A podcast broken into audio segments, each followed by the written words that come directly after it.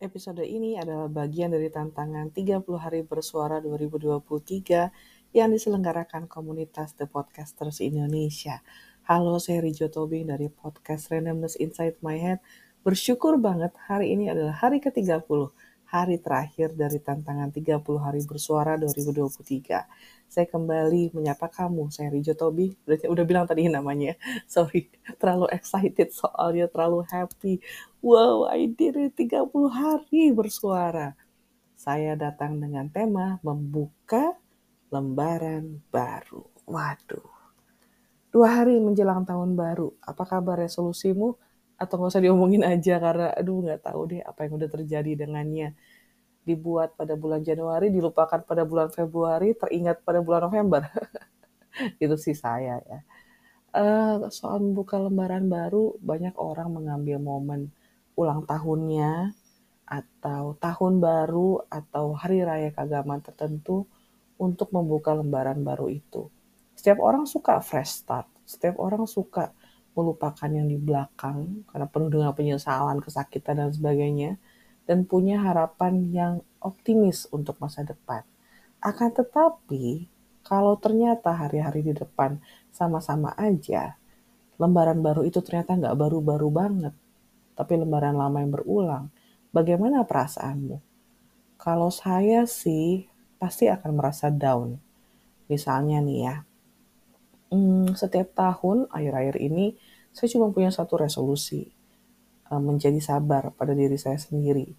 Jadi, menjadi sabar dengan orang lain itu keharusan ya, tapi sabar dengan diri sendiri, menikmati proses, menikmati kegagalan sekaligus keberhasilan, itu tantangan buat saya yang cenderung keras pada diri sendiri kalau bicara tentang target, bicara tentang pencapaian, ambisi, dan lain-lain.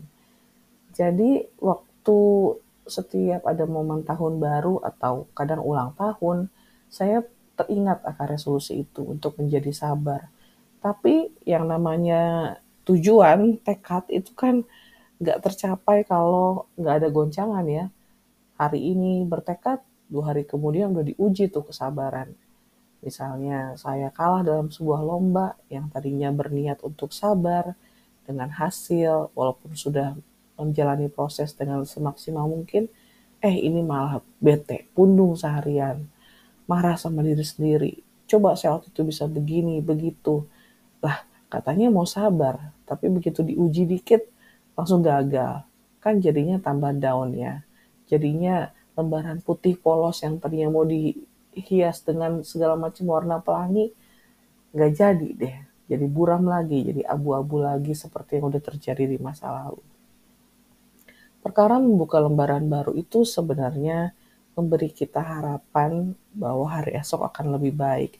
Sebenarnya juga nggak perlu momen khusus seperti tahun baru atau ulang tahun atau apa pun itu. Setiap hari adalah lembaran baru.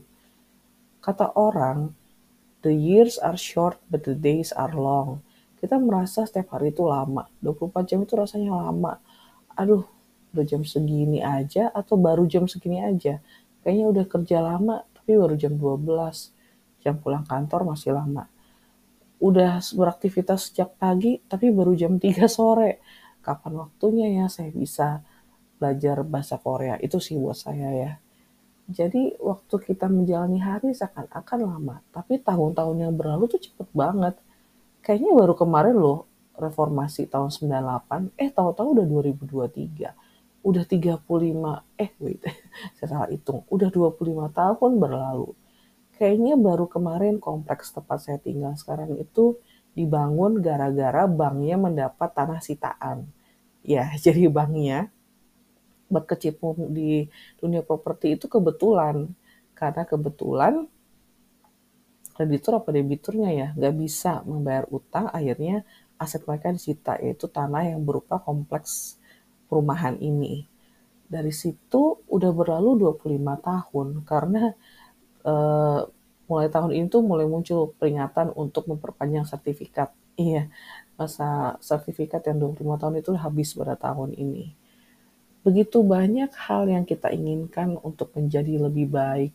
Masalahnya kadang kita greedy, kadang kita serakah. Pengen semua tuh berubah optimis, semua berubah positif. seketika saat itu juga. Padahal yang kita bisa ubah itu adalah satu pada a moment gitu. Kita juga harus bisa memilah-milah mana yang menjadi prioritas.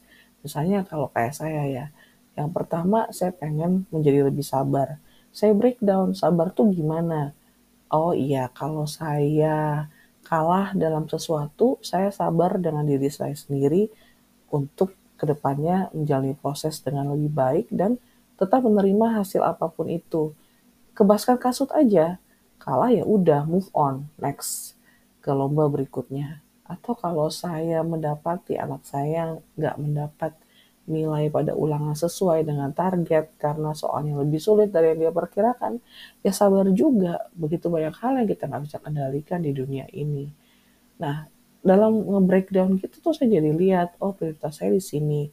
Saya bisa dibantu misalnya dengan orang-orang yang dekat dengan saya. Saya mengalami banyak sekali cobaan kalau dalam aspek ini dan itu misalnya.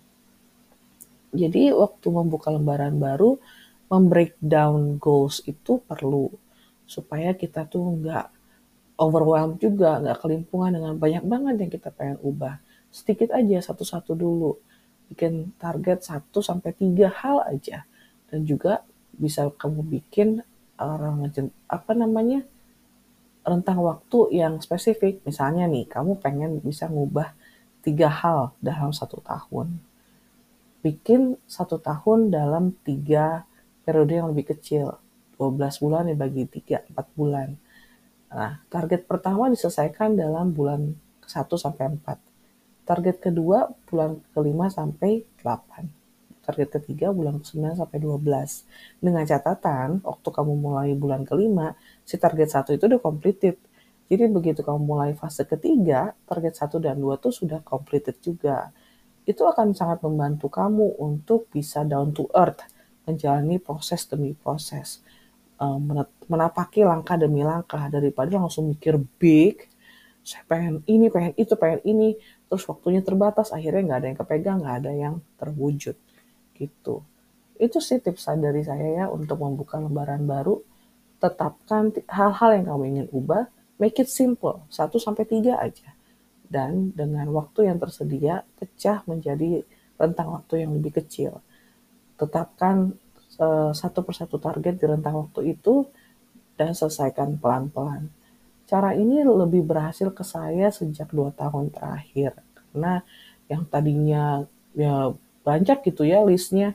Pengen ini pengen itu bisa sampai 20 ternyata pada akhir tahun yang dilihat ya ternyata cuma 3 sampai 5 aja yang tercapai. Tapi waktu saya mulai sadar diri mulai tahu bahwa ya namanya juga proses dan proses itu harus dinikmati supaya tahu manisnya. Waktu ternyata proses itu bisa mengubah saya. Saya bikin cuma tiga aja, dua sampai tiga target setahun dan dalam rentang waktu tertentu saya menyelesaikannya untuk kemudian move on ke target berikutnya. Semoga tips dari saya bermanfaat. Makasih banget buat kamu yang udah mantengin podcast ini selama 30 hari terakhir. Saya bersyukur punya pendengar lama dan baru. Mari kita terus berinteraksi, bisa lewat email randomness.inside.myhead@gmail.com atau di Instagram randomness inside my head. Kamu bisa temukan segala sesuatu yang berbau. Pertama, Korea. Kedua, puisi. Saya suka banget tulis puisi. Dan ketiga, review. Entah itu drama, buku, film, apa pun itu. Kalau saya lagi mood, saya akan tulis reviewnya. Ya, terima kasih sekali lagi. Sampai ketemu tahun depan di 30 hari bersuara 2024. Semoga umur kita panjang ya. Sehat-sehat selalu dan tetap semangat. Bye-bye.